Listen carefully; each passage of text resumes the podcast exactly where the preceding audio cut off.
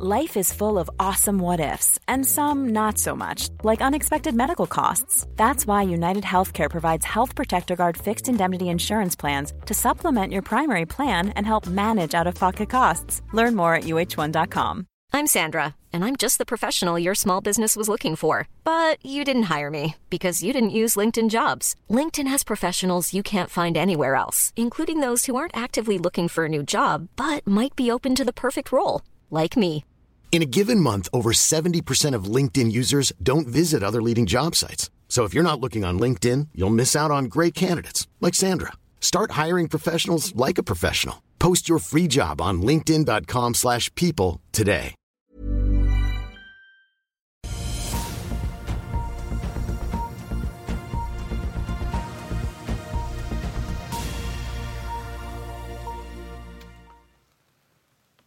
En riktig god morgen og velkommen til Børsmorgen på denne gudskjelovdagen fredag 23.9.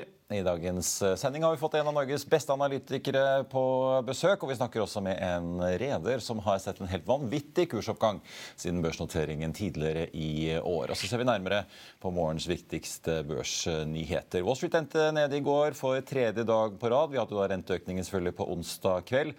S&P 500 endte ned 0,8% Nasdaq Composite ned 1,4 og Dow Jones 0,4. Hovedindeksen her hjemme endte ned også 0,4 i går, da etter én dag med oppgang i kjølvannet av flere dager med nedgang her hjemme. I dag venter DB Markets at hovedindeksen åpner ned 0,4% fra start, mens Roger Berntsen i Nordnett ligger inne med et estimat på nærmere null. Nordsjøoljen har igjen bikket under 90 dollar fatet, ligger nå på 89,95 i spotmarkedet, ned 0,3% mens den amerikanske lettoljen VTI ligger på omtrent 83 blank. Vladimir Putin og Saudi-Arabias kronprins Mohammed bin Salman har pratet sammen på telefon, har det kommet meldinger om. Og de skal ha bekreftet da, til hverandre sin forpliktelse til OPEC pluss-avtalen som partene, altså Russland og OPEC-landene har vært enige om så langt. Det opplyser da Kreml til flere nyhetsbyråer. Og de to diskuterte visstnok også hvordan de skal samarbeide for å sikre stabilitet i det globale oljemarkedet. SAS har fått seg en smekk på fingrene av Nasdaq-børsen i Stockholm, som har ilagt flyselskapet et gebyr for informasjonshåndteringen under pilotstreiken i juli. Nasdaq reagerer på at noe informasjon nådde oss i pressen før meldings, de formelle meldingskanalene som skal informere markedet. Og for de som husker tilbake til før pandemien, så havnet jo Norwegian i en lignende situasjon da de også informerte noen i pressen om at Max-flyene ble satt på bakken før det da kom børsmelding noen minutter senere. I går kom meldingen om at seismikkselskapet TGS forlenger budfristen på Magsize-budet sitt med en uke, uten at de faktisk sukret eller justerte på tilbudet. Men i dag gjør de det. Det er det samme prisen som ligger på bordet, men TGS senker nå akseptgraden til 66,67 går meldte jo TGS at de allerede har nådd da 71% og dermed har de jo da innfridd sin egen terskel. TGS-sjef Kristian Johansen sier at seismikkselskapet nå er fornøyd med at tilbudet deres er akseptert av et flertall av aksjonærene. Og så får vi også ta med at Otovo, som vi jo snakket med i forrige uke oppe på Pareto-konferansen, melder at de er i gang med prosessen med å oppliste seg fra Euronex Growth til hovedlisten innen utgangen av året. På linje da med planene som er tidligere skissert. God morgen, Karl Johan. God morgen. Du, skal vi kaste oss over, Det er jo mye som skjer i dag. Hydro har meldt at de nå setter i gang dette tilbakekjøpsprogrammet som de fikk fullmakt til på generalforsamlingen. To milliarder kroner. Ja, nei, det... det går bra om dagen, som, de, som man sier? Ja, de har gode strøminntekter. så det... Og det har jo vært gode aluminiumspriser også. Hvorfor ikke bare mer utbytte? Det, nei, det, ulike grupper ønsker ulike ting. Noen ønsker tilbakekjøp av aksjer, noen ønsker uh, utbytte. Det er uh, forskjellige ting. Det er uh, ulike preferanser i ulike grupper. Har med skatt å gjøre. Ja. Du, du merke, Vi hadde en voldsom oppgang i disse amerikanske statsrentene i går. Og det, ja, det var det Japan som hadde skylden for? Var det ja, det var etter vi gikk av sending på formiddagen i går, så så eh, Japan intervenerer da, for å støtte sin egen uh, valuta. og For å få til det så må de da selge amerikanske obligasjoner. Og Det tror jeg nok var en stor overraskelse for markedet. 20 basispunkt opp på tiåringen på det, det, tidspunktet her, det er mye. Ja. Og Det har jo direkte innvirkning på avkastningskravet på alle aksjer. og eh, Man må regne med mer. da. Og, og Japan har jo hatt en eh, det er jo interessant økonomi. og de, de, selskapene som har gjort det best i Japan, er jo selskaper som har hengt seg på Kina. Da. Det er jo Softbank og, og Fast Retailing med Uniqlo, den produksjonen i Kina. Men hele japansk næringsliv liksom har flytta til veldig mye produksjon i Kina. og Du kommer til et punkt da, hvor at du, du får problemer, og det er problem pga. høye oljepriser, det er problem med handelsbalansen. Og, men så har du ikke lyst til at liksom at uh, valutaen skal komme helt i, i, frislipp. Og det, dette, her er jo, dette er jo et problem som vi kan få også i Europa utover høsten. Altså vi, når, når, krisa begynner å nærme seg slutten, da begynner valutaene å bevege seg, og da begynner også sentralbanken å beskytte valutaene sine. Så dette her synes jeg var tidlig at Japan gjorde dette. her. Jeg har ikke forventa at dette skulle skje. og Jeg hadde regna med at USA skulle øke rentene, fortsette å øke rentene videre. Og at det ville være eh, land som Tyrkia og Argentina og emerging markets fikk problemer. De, det virker som at ingen syns biter på de. De bare kjører videre med høy inflasjon uansett. De er så vant til dette. her. det er, eh, Men det er jo veldig sterk dollar eh, om dagen. Det snakker jo amerikanere om selv. de, altså, de, de, har jo en stor innenlandsøkonomi, men de snakker jo om sin egen eksportindustri som sliter med dollarkursen. Vi snakker jo om de tre musketerer. ikke sant? Det er dollaren, det er renten og det er uh, oljeprisen. Og de tre liksom går sterkt, da får du problemer utenfor USA. Da. Og Den store overraskelsen er jo at uh, oljeprisen ikke har vært med på dette. Den har jo falt ganske sterkt tilbake igjen. og Mange sitter og klør seg Men det har jo sammenheng med at du må jo stille sikkerheter for å være med på skal du handle. Og hvis, hvis når volatiliteten nå plutselig begynner å stige i aksjemarkedet, så må du ha enda mer sikkerhet. for sånn strømprisproblemer igjen. At du må stille opp enda mer dollar. og presse dollaren enda mer opp skape enda mer problemer. Og det, For det har vi sett i kraftmarkedet i Norden allerede, ja, på Nasdaq Clearing, hvor de krever noen voldsomme milliardbeløp fra holdt jeg på Vattenfall, Statkraften og alle som er involvert i det markedet. Vi har liksom et eh, enormt skylag med derivater som ligger på toppen av økonomien, som vi ikke helt skjønner hvordan det henger sammen. Men med en gang volatiliteten stiger, så kommer marginkravene. Vi har sett i kraftmarkedet hvordan det slår ut, og vi vil også se det i finansmarkedet. Jeg hadde ikke trodd det skulle skje så raskt at vi får noe i høst, men det virker som at det er en, det er en slags krise som er på gang og seile opp eh, når man begynner med sånne intervensjoner fra, fra Japan. har en stor økonomi. Ja. Også, Det er ikke bare Otovo som eh, preger nyhetsbildet fra solfronten i dag? Norsk Sol har uh, fått en uh, kontrakt. og de, de, har jo hengt seg på, da, både Norfund og Finnfund. og Det er jo de beste selgerne du kan ha. da. Norge kommer med penger og Sjømannskirken overalt. og Finnfund har jo vært... Ja, Vaffelsteking og alt. Det er jo sosialt nettverk. Og, og Finnfund, uh, som de henger seg på, de har jo Wärtsilä der ute. Wärtsilä leverer jo sånn dual power solutions. Altså fiskemotor?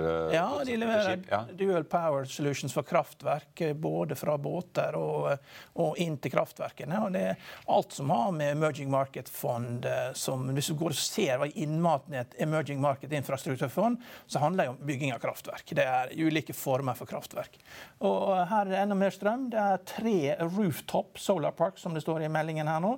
Og det til logistikksenter. 1,8 megawatt clean power. En liten kontrakt for Scatec Solar begynner å bli et stort selskap. Så det, det er tydelig at de, de, er jo i den rette enden av dette. Det er jo å levere til uh, til solparker og levere solcellepaneler. Og gjerne eie parkene også, hvis de kan gjøre det. Så det er jo, det er jo der pengene ligger. Ja. Ja. Vi skal ta inn uh, dagens gjest, men skal ha en uh, kort reklamepause. Vi er uh, straks tilbake. La oss i Finansavisen hjelpe deg med å holde deg oppdatert på alt som skjer i finans og næringsliv. Hver morgen er jeg, Marius Lorentzen, og aksjekommentator Karl Johan Molnes på plass i studio for å ta tempen på dagens marked i Børsmorgen. På ettermiddagen oppsummerer vi alt du trenger å vite i økonominyhetene, og så får vi selvfølgelig besøk av masse interessante gjester. Du finner oss på fa.no-tv, eller ved å søke opp Børsmorgen og Økonominyhetene der du hører på podkast. Velkommen tilbake. Hovedindeksen på Oslo Børs opp ja, ned 0,03 så ligger det og vaker rundt null fra start. Får vi si da med en eh, mest omsatt aksje faktisk nå, som er Cloudberry, ned 7,1% Deretter følger Equinor ned 0,4, mens Norsk Hydro, som også er i gang med å kjøpe tilbake aksjer, stiger 0,8 Da skal vi få inn dagens første gjest. For i en verden da med stadig stigende renter, er det sånn at bankaksjer er et godt, trygt og lunt sted å være nettopp fordi bankene også jekker opp rentene, like fort som Jerome, Ida og Kristin. Håkon Astrup i Demi Markets, velkommen til oss. Takk for det, Marius. Det er veldig hyggelig å være her. Du, eh, Kanskje vi skal begynne med det. Er det sånn, Syns du også at bank- og finansaksjer er litt sånn, i utgangspunktet et trygt sted å være i en verden med stigende renter? Absolutt. kan si Stigende renter isolert sett er jo fantastisk for eh, bank- og finansaksjer. Særlig da for bankene, men også for livsforsikringsselskapene. og Det så vi jo særlig i fjor. Eh, men det er jo sånn for bankene at eh, de har lånt ut en del penger. Så hvis det blir litt usikkerhet i økonomien, så begynner markedene å bli litt bekymret for hvorvidt bankene får tilbake alt de har lånt ut. Så stigende renter er bra så lenge det går bra, men når det blir større usikkerhet, så blir, bank, så blir da investorene litt mer bekymret for kredittkvaliteten. Ser du det på en måte slå ut i, eh, i kursutviklingen? Vi ser jo sånn Storebrand er jo ned litt i år. Eh, DNB ned 4, ja, 9 da, før utbytte siden nyttår. Så, det er jo bedre markedet sånn bredt. Hvis du det, ser bort fra Equinor, da, så er det jo bedre markedet generelt sett. Men, absolutt. Så, så, det er jo litt forskjell i de ulike bankene. og jeg, sånn, Norske banker er jo Da ser man kanskje ikke så mye, men ser du på prisingen der Du har SR-bank eh, og noen av disse andre sparebankene som handler på P under 9. Og gitt måte, stabiliteten i norsk økonomi og ikke minst også effekten fra høyere rente som slår positivt ut, så er det nok priset inn litt, litt utenlandstap her etter hvert. Da. Ja. Eh, men hvis man, særlig hvis man ser litt sørover i Europa, andre steder, eh, som kanskje ikke har, eksporterer så mye energi som det Norge gjør, så ser man mye, helt klart at da begynner investorene å bli litt bekymret for eh, at det kan komme litt tap etter hvert. Ja. SR-Bank er vel en region av landet som går så det griner om dagen? så... Absolutt, og det er, jo, det er jo litt som en del av de norske bankene tok jo en del låntap under denne oljenedturen. Fra liksom 15-16? Fra 15-16 gjennom pandemien. Og man har jo ikke reversert alt av dette her. Eh, DNB har jo Hvis du ser på alt av oljerelatert eh, utlån, så har man da fortsatt 3 milliarder i avsetninger man, eh, man har på balansen. Da. Så det gjør jo at hvis det går veldig bra i den sektoren, så er det nok noe man kan reversere, som kanskje da kan motvirke andre utlånstap i andre sektorer. Den, det, det, har jo ikke da eh, Alle europeiske banker ikke, har, har, ikke den bufferen.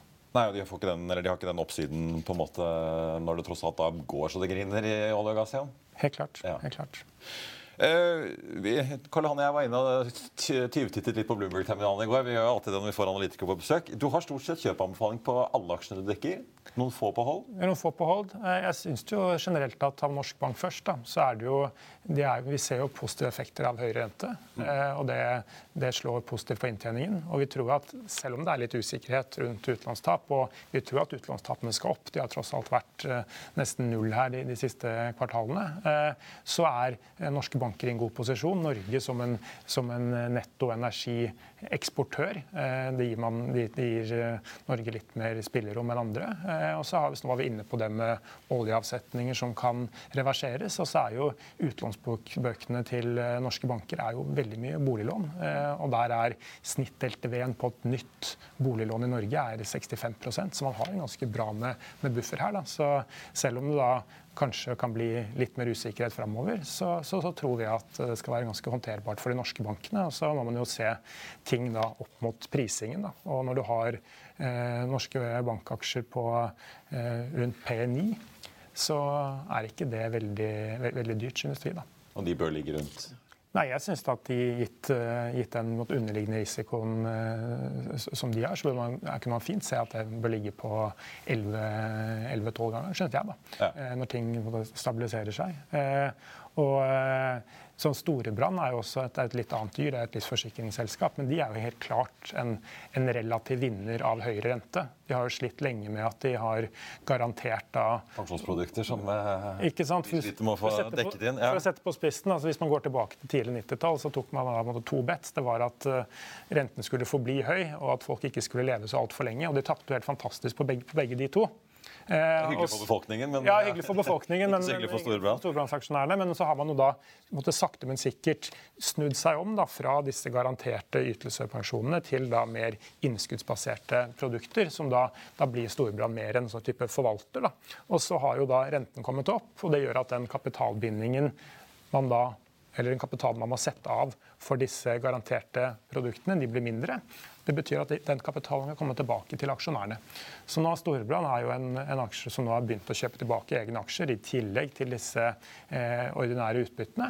Og når man da også ser, vi forventer også da vekst i inntjeningen framover, drevet av da veksten innenfor da eh, innskuddspensjon, også det det gjør på forsikringsområdet. Så når du snakker med kundene dine, hvor viktig er utbyttenivået når de velger hvilken bankaksje de skal ta? Ja, utbytte er jo viktig, men man vurderer jo alltid sånn utbytte opp mot vekstkapasitet til banken. Eh, og vi, vi, lærte jo på skolen at måtte, kapitalallokeringen til selskapene skal jo ikke spille noen rolle. ikke sant, sånn til Miller-Nogliani-teoremet, Men det er ofte slik med bank da, at det er jo ganske komplekse dyr. Slik at det er, det er, ikke så enkelt for oss på utsiden da, å vite alt hva som skjer på innsiden. Og, og da er jo en av disse eh, forutsetningene bak dette eh, teoremet det, det, gjelder jo ikke det at det, du har en måte asymmetrisk informasjon. Vi har, eh, vi har, mindre informasjon her enn de som da sitter inne inn i banken. og Derfor er utbytte et viktig signal. Da.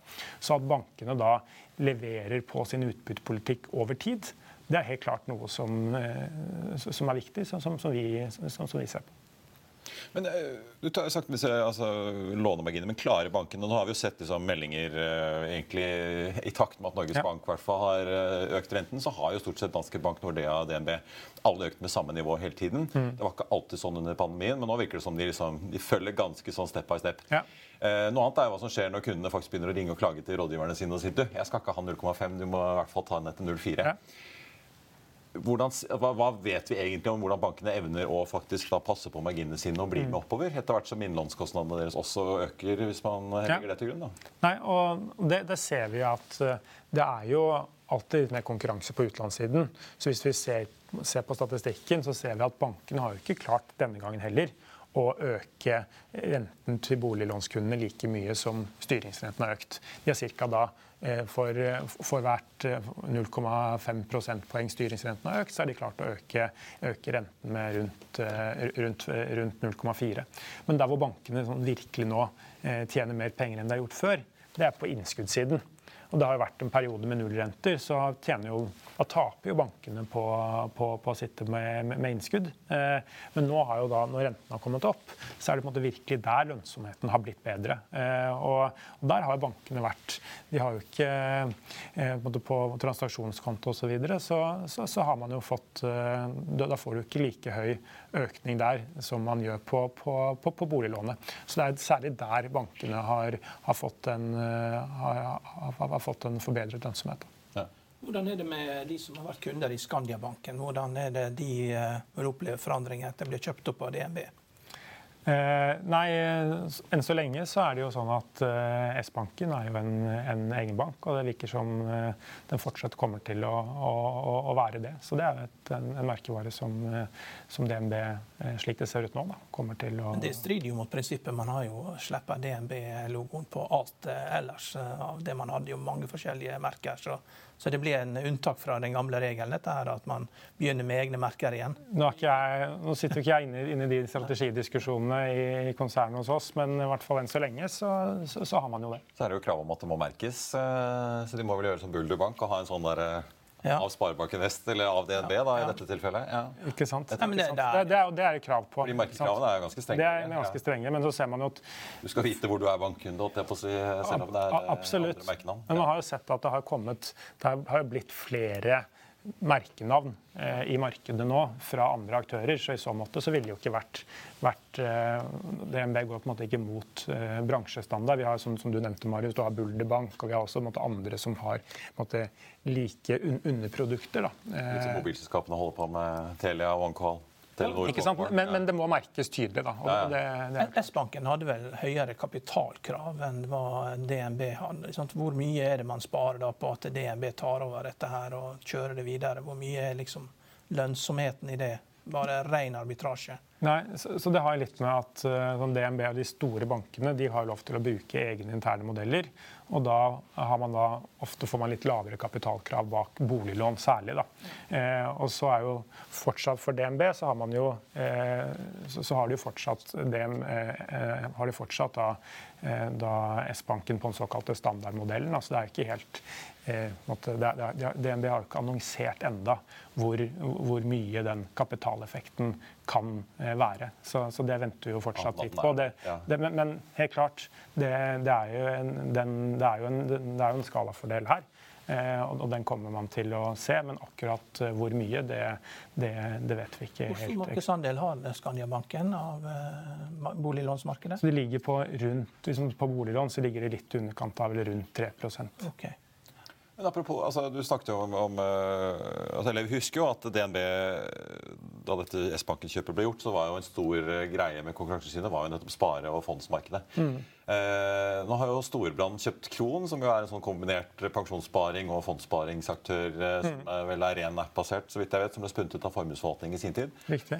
Hvordan leser du det? Er det, er det litt Eh, litt, den samme appetitten strategisk sett som storebåndsjefen har, som DNB-sjefen har når de ser på disse aktørene de kjøper opp? Er det så attraktivt å, å posisjonere seg med litt sånn nye dynamiske aktører innen sparing og pensjon? Ja, det, det jeg tror alle ser, da, det er jo at eh, sparing det er et voksende marked. Eh, og særlig personlig sparing. Historisk så har jo nordmenn spart i egen bolig, og that's it. Men man skjønner jo nå at nå må man diversifisere, og det blir eh, Vi får mindre og mindre pensjon av vår arbeidsgiver nå sammenlignet med for, for, for 30 år siden. Så derfor så er dette en megatrend. Også på en måte etter pandemien, hvor folk sparte jo masse, men nå plutselig må de begynne å tømme litt på sparekontoen igjen? Ja. Det, det, må man nok kanskje, men det, det, vil alltid gå litt i sykler. Men jeg tror hvis man ser da strukturelt på det, så er det sånn at uh, man sitter igjen med mindre uh, som pensjonist uh, om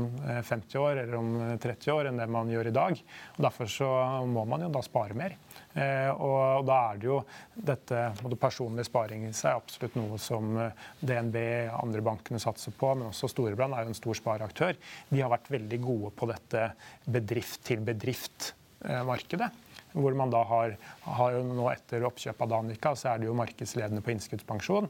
Men de har kanskje ikke vært så flinke på dette B2C, eller bedrift til konsumentmarkedet. Eh, F.eks. DNB har hatt eh, relativt stor suksess med å spare appen sin eh, mot konsumenter, mens Storbrann da har slitt noe mer der. Da. Og der kommer jo da her kommer jo da oppkjøpet av Kronin, da, som da skal være en bidragsyter inn i denne eh, bedrift til konsument-satsingen.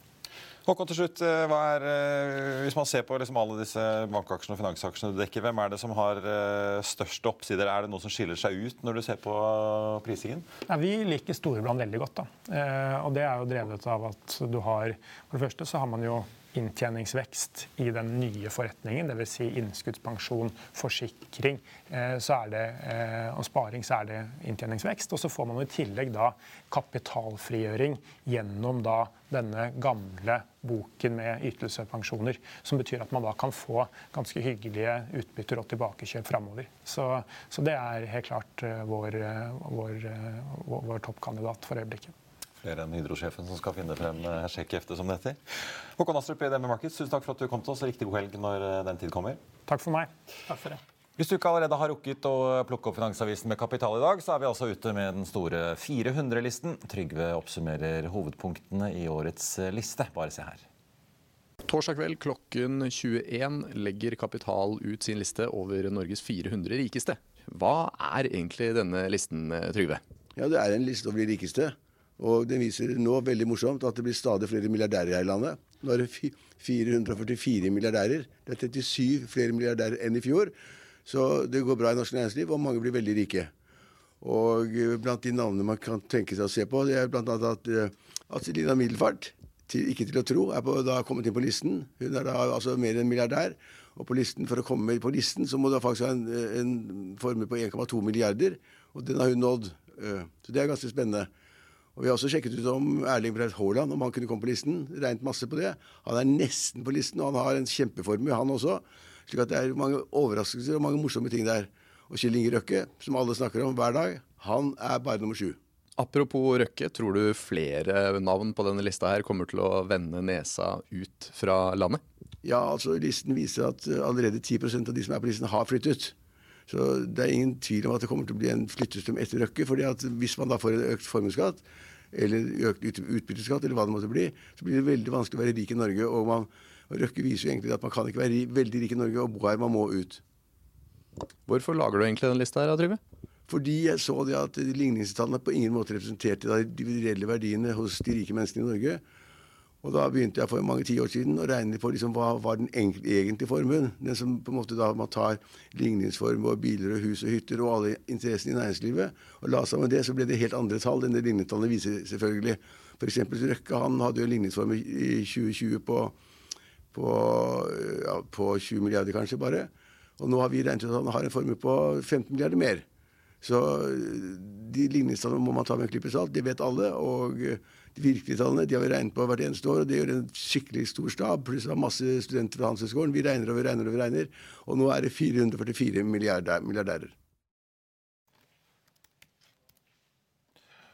Velkommen tilbake. Tenkte Vi bare skulle ta en, eh, vi får ta en kjapp titt eh, på markedet. Karl Han. Hovedindeksen nå ned 0,5 eh, Cloudberry får vi jo ta med ned ja, 7,3 Dette energiselskapet mm, henter jo da 800 millioner i en emisjon til 1550. Den ligger nå på 1542. Eh, men det er jo litt sånn rødt rundt oss på børsene nå i dag. da. En ganske helsesrik uke med renteøkninger både i England og USA og Norge. Og nå står jo ikke norske renteøkningen som ut i aksjemarkedet, riktignok, men eh, likevel. Vi er liksom ikke i frontlinjen. Det er ikke noe dramatikk her. vet du. Oljeprisen er høy, og ting går. og det, vi er, eh, vi er, det er ikke store problemer her, men det er klart det vil jo det vil jo kunne komme til oss også hvis det blir skikkelig galt ute. Det, men sånn, sånn sett, det er jo veldig stabilt her. Det er ikke noe stort drama. Får følge med. Da skal vi over til uh, shipping, og nærmere bestemt uh, bilfrakt. For i går ettermiddag så fikk jeg besøk av en gjest som hadde sin børsdebut altså tidligere i år, og som har hatt en helt vanvittig utvikling på børs. Ja, Ser man på Gram Car Carrier Action, så har den fått et uh, nytt momentum fra august og utover høsten, etter at de fleste andre aksjer mistet piffen når julioppturen var over. Nå skal uh, Gram på linje med Otovasa snart over på hovedlisten på Oslo Børs, og vi tok en prat med konsernsjefen. Bare se her. Georg Wist, uh, konsernsjef i Gram Car Carrier. Velkommen tilbake, får jeg si. Du var jo på besøk hos oss i, i november i forbindelse med at dere skulle på børs. Det har jo gått som en kule, får vi jo si. Du er jo et shippingselskap som er veldig populært om dagen. Dere åpnet jo den gangen da dere gikk på børs, også 31.1. Eh, med et sjekk her, 55 kroner og 50 øre. I dag har det ligget eh, rundt 150 kroner. og altså Alle analytikerne sier jo kjøp og ligger på ja, 230, 235, 250, avhengig av om du spør Fearnley, Pareto eller eh, SEB. Hvordan oppleves dette her internt? da? Hvordan føles det nå versus eh, hvordan det føltes da dere gikk på børs? Trodde dere at det kunne gå så bra? Nei, Vi må nok være så ydmyke at vi, vi, så markedet kom, og som vi snakket om sist, at uh, alle, liksom, alt var uh, satt opp riktig for en god upcycle. Så vi, vi, var veldig positive på markedet. Men vi kunne liksom drømme litt om forrige liksom, høydepunkt, som var i 2008. Men nå er vi 50% over det. det. Det må vi innrømme. Det hadde vi ikke trodd. Men det er jo Ja, For dere skjøv jo litt på noteringen fra november til januar. For det var ikke så lett liksom å få dette i gang likevel. Nei, det så er det liksom så vanvittig populært nå. Det må jo være litt rart, nesten? Ja, nei, det har vært, eh, det har vært veldig gøy. Og det er klart det gir en voldsom energi å jobbe hardt i medvind. Så det, det, har vært veldig gøy. Men uh, vi fikk en liten strafferunde der. Det kom med noen omikron-greier og torpederte så folk var risk off. og da måtte vi bare parkere, og så dro vi i gang på nyåret, og da, da satt den. Og så, så, har gått, eh, så, har det gått, veldig bra siden en gang. Og vi har jo eh, kommet med mye nye kontrakter. Så visibiliteten på cashflow er god, og dividendesjekkene som vi lovet, har vært, kommet hvert eneste kvartal. Dere har jo en mange, mange tiårig historie, men eh, er jo da en nykommer på børsen. Sitter jo nå på å styre 26 skip, er det det? Ja. ja. Hvor ja, de, ja, dere eier en 18 av de, i hvert fall, eh, så vidt jeg har oversikt over? ja. Nei, så det, det, er jo modellen vår. da Vi har disse 18 som vi har på vannet, som vi har i rederiet, og så driver vi kommersielt for andre. Mm. Eh, åtte skip til, inkludert av de fire nybyggene våre. Som vi har i et søsterselskap, Global Auto Carriers, som er jo et annet bet. Vi er jo skip på vannet, eh, dividende eller utbytte, da, som det heter på norsk. Utbyttefokus eh, og, og, ski på vannet. Mens dette er eh, Global Hot Carriage er jo mer en satsing på, eh, på, neste runde, kan du si, og et mer av et asset play. Så får vi se om det legges sammen en gang i fremtiden. Men foreløpig ligger de der usluttet og er et eget selskap på siden. Ja, Så dere har ikke noe direkte eksponering mot eh, de forpliktelsene som ligger der? Nei, vi, nei vi det, altså vi, det var vi som satte opp. så mm. Fire av våre største aksjonærer i Gram er også aksjonærer der.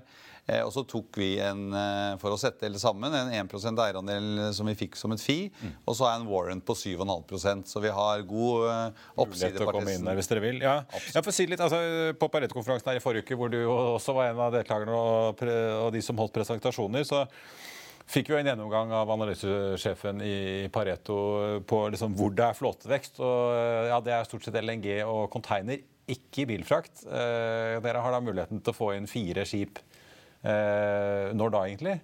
De kommer, i, altså, de kommer i 2025. og det som er jo morsomt og interessant nå med hele bilskipsegmentet, er at det kommer de neste tre årene kommer det ekstremt lite mm, nye, nybygg inn. Så kommer det en god skjønk i, i 25 og litt eh, mindre der ut, utover.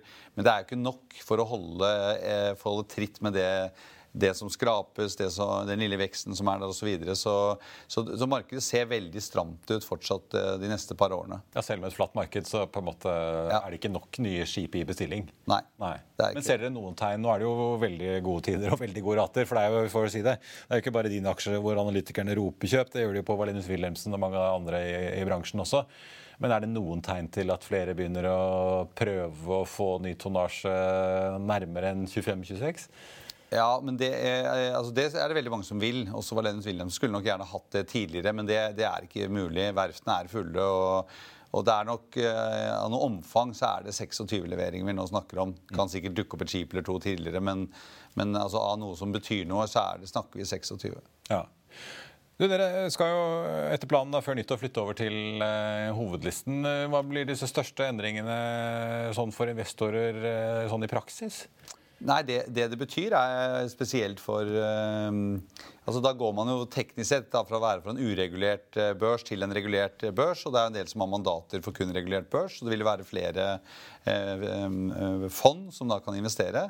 Kanskje den viktigste for, for retail-investorer er at da kan de putte dette på disse AKS-kontoene sine. Mm. Det har man jo ikke lov til med Unit Growth-aksjer. Så da åpner det enda mer for, for, for, van, altså, vanlige folks tur. Uh, vanlige mennesker kan da gjøre det og, og bruke det på aksjesparekontoene sine. Jeg tror ikke vi finner det å investere i Gram Car Carrier i Hurdalsplattformen, men, uh, men likevel. Ja, det, men dere tror jo at dere sånn sett får inn et mye større investorunivers eh, nå fremover? Da? Ja. Absolutt. Og, øke, og da, øket, da, vil det bli øket likviditet i aksjen. Ja.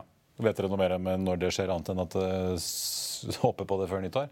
Ja, nei, altså det det er, planer og prosesser på alt det. Og som vi har lovet investorene, så, så er det on track. Så, det, så vi, sånn som det ser ut nå, så blir det før nyttår. Vi må snakke litt om, Dere har jo kommet med et par meldinger nå denne måneden eh, på nye kontrakter som dere har signet for eh, fire av skipene dere, hvor dere har signet eh, altså fem år se på Viking Adventure, to år på Viking Coral og to ganger fem på Ocean og Diamond øker ordreboken ganske mye. Jeg ser liksom rater på alt fra 35 til 60 000 dollar. Det var vel på en, ja, på ti på det verste under pandemien. Men sånn historisk sett, hvor bra er sånn 30-50-60? Er det ja, altså du, Forrige topp, da, som, eh, som vi ofte bruker eh, som et, som et, referansepunkt, da gjorde man femårskontrakter til 35 000 dollar dagen. Det var toppen i 2007-2008. Så nå er, gjorde vi fem år til 60. Så det, det setter jo ting litt i kontekst. Eh, de lange lange snittene, hvis du går riktig langt tilbake, 10-20 års snitt, så ligger jo de nede på sånn midt på 20-tallet. Så det er klart det er, vi, vi har fått veldig hyggelige rater på skipene nå. Hva slags break-even har du da? Nei, Break-even på flåten er 15. Ja. Den er cross og hele flåten er på 15. Ja, for Du har jo litt forskjellige størrelser på, på tonnasjen på de, men det ligger stort sett på 15 jevnt over? Ja, det er sånn snitt. altså er det klart De mindre er litt lavere, og så er de litt høyere. Men det er jo gode, gode marginer mellom 15 og 60 og 15 og 35. Det, ja, det, det kan man regne seg frem til. Ja. Men jeg lurer På en ting, altså på Ocean og Diamond så, så sier dere at dere har fem år, men dere har en sånn trappetrinnsmodell hvor dere begynner på 50, og så går dere ned til 20 000 dagen da i år eh, fem. Betyr det implisitt at dere regner med at da er på en måte ratefesten over? Er det derfor dere takker ja til en sånn trappetrinn, eller? Nei, altså det er, det er ikke det. Altså det. det. går også litt på kall det gjerne risk management. ikke sant? Det er klart Penger i dag er verdt mer enn penger i morgen. Og, og jeg tror også en del av våre kunder også ser at akkurat nå er det ganske dyrt. Så det, det er de med på. og Så vil de heller betale, og så, og så trappes det ned over tid. Eh, men eh, Så det er, det er, derfor jeg har gjort det, egentlig. For en ren eh, litt sånn risk management. Eh, prøve å være litt forsiktige. Ja, for Dere ønsker også en profil i porteføljen med, lengre kontrakter eh, enn det dere har hatt? Absolutt. Ja. Så, så, som vi har sagt hele tiden og uttalt på alle vi møter, så vi fokuserer på fem år pluss uh, partier. Og, men det er klart, får du en veldig høy i ett år, som, som, noen har fått til, så, så er, kanskje tar vi en båt der. Men det er litt mer sånn for for å ha litt sånn moro i hverdagen. Men eh, strategien er veldig fast. Vi bygger en lang eh, kontraktsbacklog, sånn at vi kan betale utbytte til aksjonærene på eh, hvert kvartal. Dere har jo, altså Utbytter har jo vært en del av pitchen eh, helt siden eh, noteringen. og Dere har jo en, utbyttepolitikk da på å utbetale halvparten av eh, resultat per aksje. Eh, og Det har økt ganske mye bare i løpet av året, så det tyder jo på at inntjeningen eh, er på full fart oppover. altså 2,6-gangeren fra første til andre kvartal. Men hvor stor opptrapping kan man liksom da forvente seg, gitt, uh, gitt at dere skal betale halvparten av inntjeningen per aksje? Hvor, liksom, hvor, stor oppgang legger dere da opp til nå utover høsten og neste år? Nei, nå har vi jo da sluttet veldig langt. Vi rapporterte jo eh, de nyeste partiene. sånn at bare nå i Q3 så har vi jo eh, booket en ny backlog på 326 millioner dollar i inneværende kvartal. Og det kommer jo på toppen av de 269 eh, som vi rapporterte per ende og Q2. Så vi bygger jo voldsom eh, backlog. Vi har nå også tre store Panamaxer, som er typisk de som, den som vi gjorde sist på 60, som skal forhandles nå i tiden fremover. Så det kommer jo nyheter her over de neste ukene og inn i en måneds tid. Mm. Så, kommer det, så, så, kommer det, mer spennende nyheter fra oss. Ja antar vi ser høyere rater enn det de ble signet på eh, opprinnelig.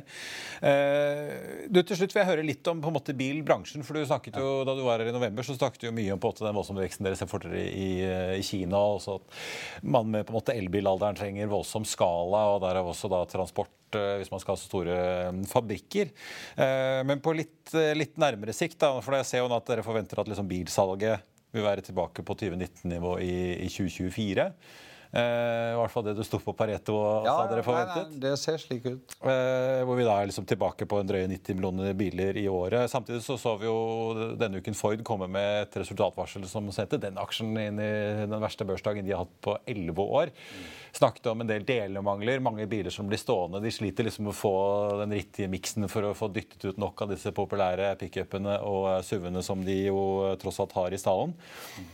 Eh, hva tenker dere om den, det resultatvarselet? Er det et rødt flagg for, måte, for bransjen om at her er det mer enn halvledermangel som skaper problemer for dem, eller? Nei, altså det, altså det, det, er jo halvledermangel, og det er klart eh, amerikanske produsenter har hatt, uh, har hatt den største utfordringen på halvledere.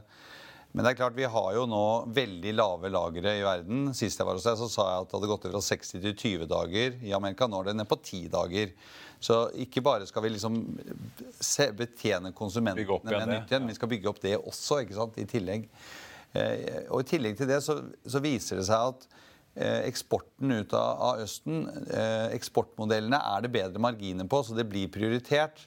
Normalt sett så er det sånn 16-18% av verdenssalget går sjøveis. Nå er den ratioen oppe i 20 Slik at uh, de prioriterer de modellene, så volumene holder seg ganske bra sjøveis. Altså Kia og Toyota og ja. den gjengen de, de, dytter mer, så mye de kan ut i havnen, rett og slett? Ja. Absolutt. Og i tillegg så har vi jo eh, gruveindustrien, som nå er i en stor oppsving pga. de gode råvareprisene og investerer voldsomt. De frakter vi alt gruveutstyr.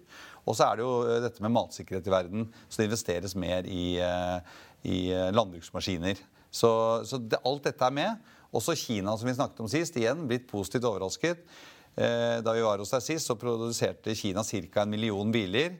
Hadde akkurat, eh, kom fra det, hadde kommet så vidt over to, som da var gått forbi Korea. Og nå siste måned eh, produserte de 330 000 biler på én måned. Så nå er de på en run rate på, på langt opp på tremillionertallet og har ambisjoner om fem. Så det er jo voldsomme volumer som skal ut av Kina, og det ser vi også på, på Norske veier, holdt jeg på å si. Ja, ja, ikke sant? Vi ser kinesiske elbiler. Ja. ja. Og det ser du i Europa. Hvis du skal ha en bil med en gang, så må det jo nesten gå kinesisk. Får, alt annet må det er jo lang leveringstid på. Men den, eh, Nå snakket vi om på en måte flåtesituasjonen i, i, bransjen deres. da, eh, At det er fort til 25-26 før vi får noe stor tonnasje inn. Mm. Men på etterspørselssiden, altså hvor lang eh, tid tar det da før alle disse lagrene er bygget opp igjen, tror du? Snakker vi liksom en periode på ett til to år for å komme tilbake til en slags normal, eller? Ja, det, det, altså det, kan fort ta det. fordi nå, Hvis man bestiller en ny bil, nå, så må man jo vente ganske lenge. Så man vil jo først pushe det ut til konsumentene før man begynner å bygge opp lagrene. Eh, og i Europa nå, som normalt sett har lager på 4,5 millioner biler, det er nede på 2,2. Så det er klart at eh, lagrene i Europa er lave, i Asia er de lave, og i USA er de lave. Så dette vil ta litt tid. Mm. Georg Wisti Gram Car Carrier, takk for at du kom inn. Tusen takk. På tappen av sendingen så tenkte jeg bare vi skulle oppsummere eh, markedet litt nå. Hovedindeksen begynte jo flatt, ned nå 0,9% Vi ser en ganske solid oppbremsing ser det ut som da på starten av børsdagen og slutten av børsuken. Vi er nå på 1148 poeng med en oljepris på 89,15, ned 1,2% i spotmarkedet. 7 dollar over den amerikanske lettoljen som ligger rett over 82 dollar fatet. Og rundt oss i Europa så er det jevnt over eh, rødt på alle de store indeksene. Vi ser både Dax og CAC 40 i Paris ned 0,5 og 0,3 eh, henholdsvis. Så får vi gå innom eh, de aksjene som har hatt litt nyheter i dag. Norsk Hydro ligger og vaker rundt null. Var jo opp litt tidligere da på meldingen om dette bakkjøpsprogrammet på et par milliarder kroner.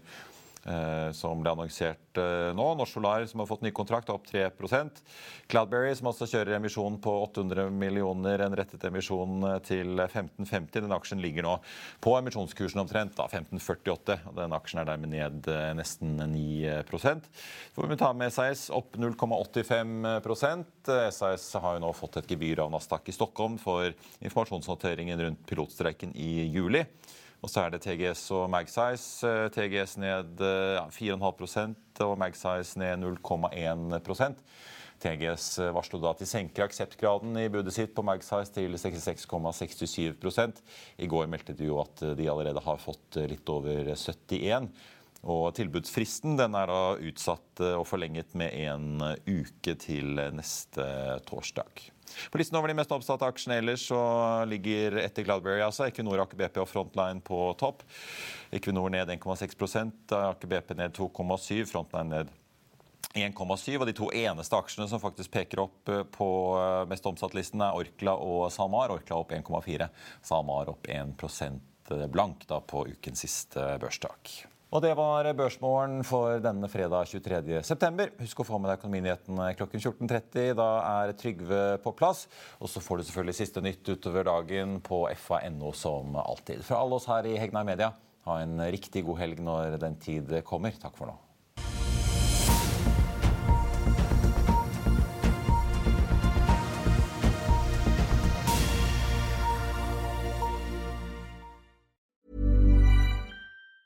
Even on a budget, quality is non-negotiable. That's why Quince is the place to score high-end essentials at 50 to 80% less than similar brands. Get your hands on buttery soft cashmere sweaters from just 60 bucks, Italian leather jackets, and so much more. And the best part about Quince, they exclusively partner with factories committed to safe, ethical, and responsible manufacturing. Elevate your style without the elevated price tag with Quince. Go to quince.com slash upgrade for free shipping and 365-day returns. Hi, I'm Daniel, founder of Pretty Litter. Did you know cats tend to hide symptoms of sickness and pain? I learned this the hard way after losing my cat, Gingy. So I created Pretty Litter, a health monitoring litter that helps detect early signs of illness by changing colors, saving you money and potentially your cat's life. Pretty Litter is veterinarian developed, and it's the easiest way to keep tabs on your fur baby's health right at home. Go to prettylitter.com and use code ACAST for 20% off your first order and a free cat toy. Terms and conditions apply. See site for details.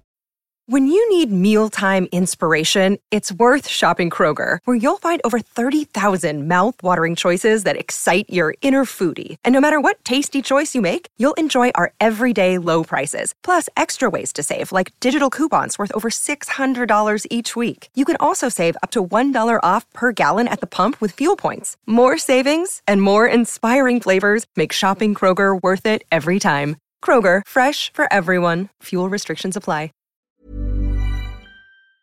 Økonominyhetene er en podkast fra Finansavisen. Programledere er Marius Lorentzen, Stein Ove Haugen og Benedikte Storm Bamvik. Produsenter er Lars Brenden Skram og Bashar Johar.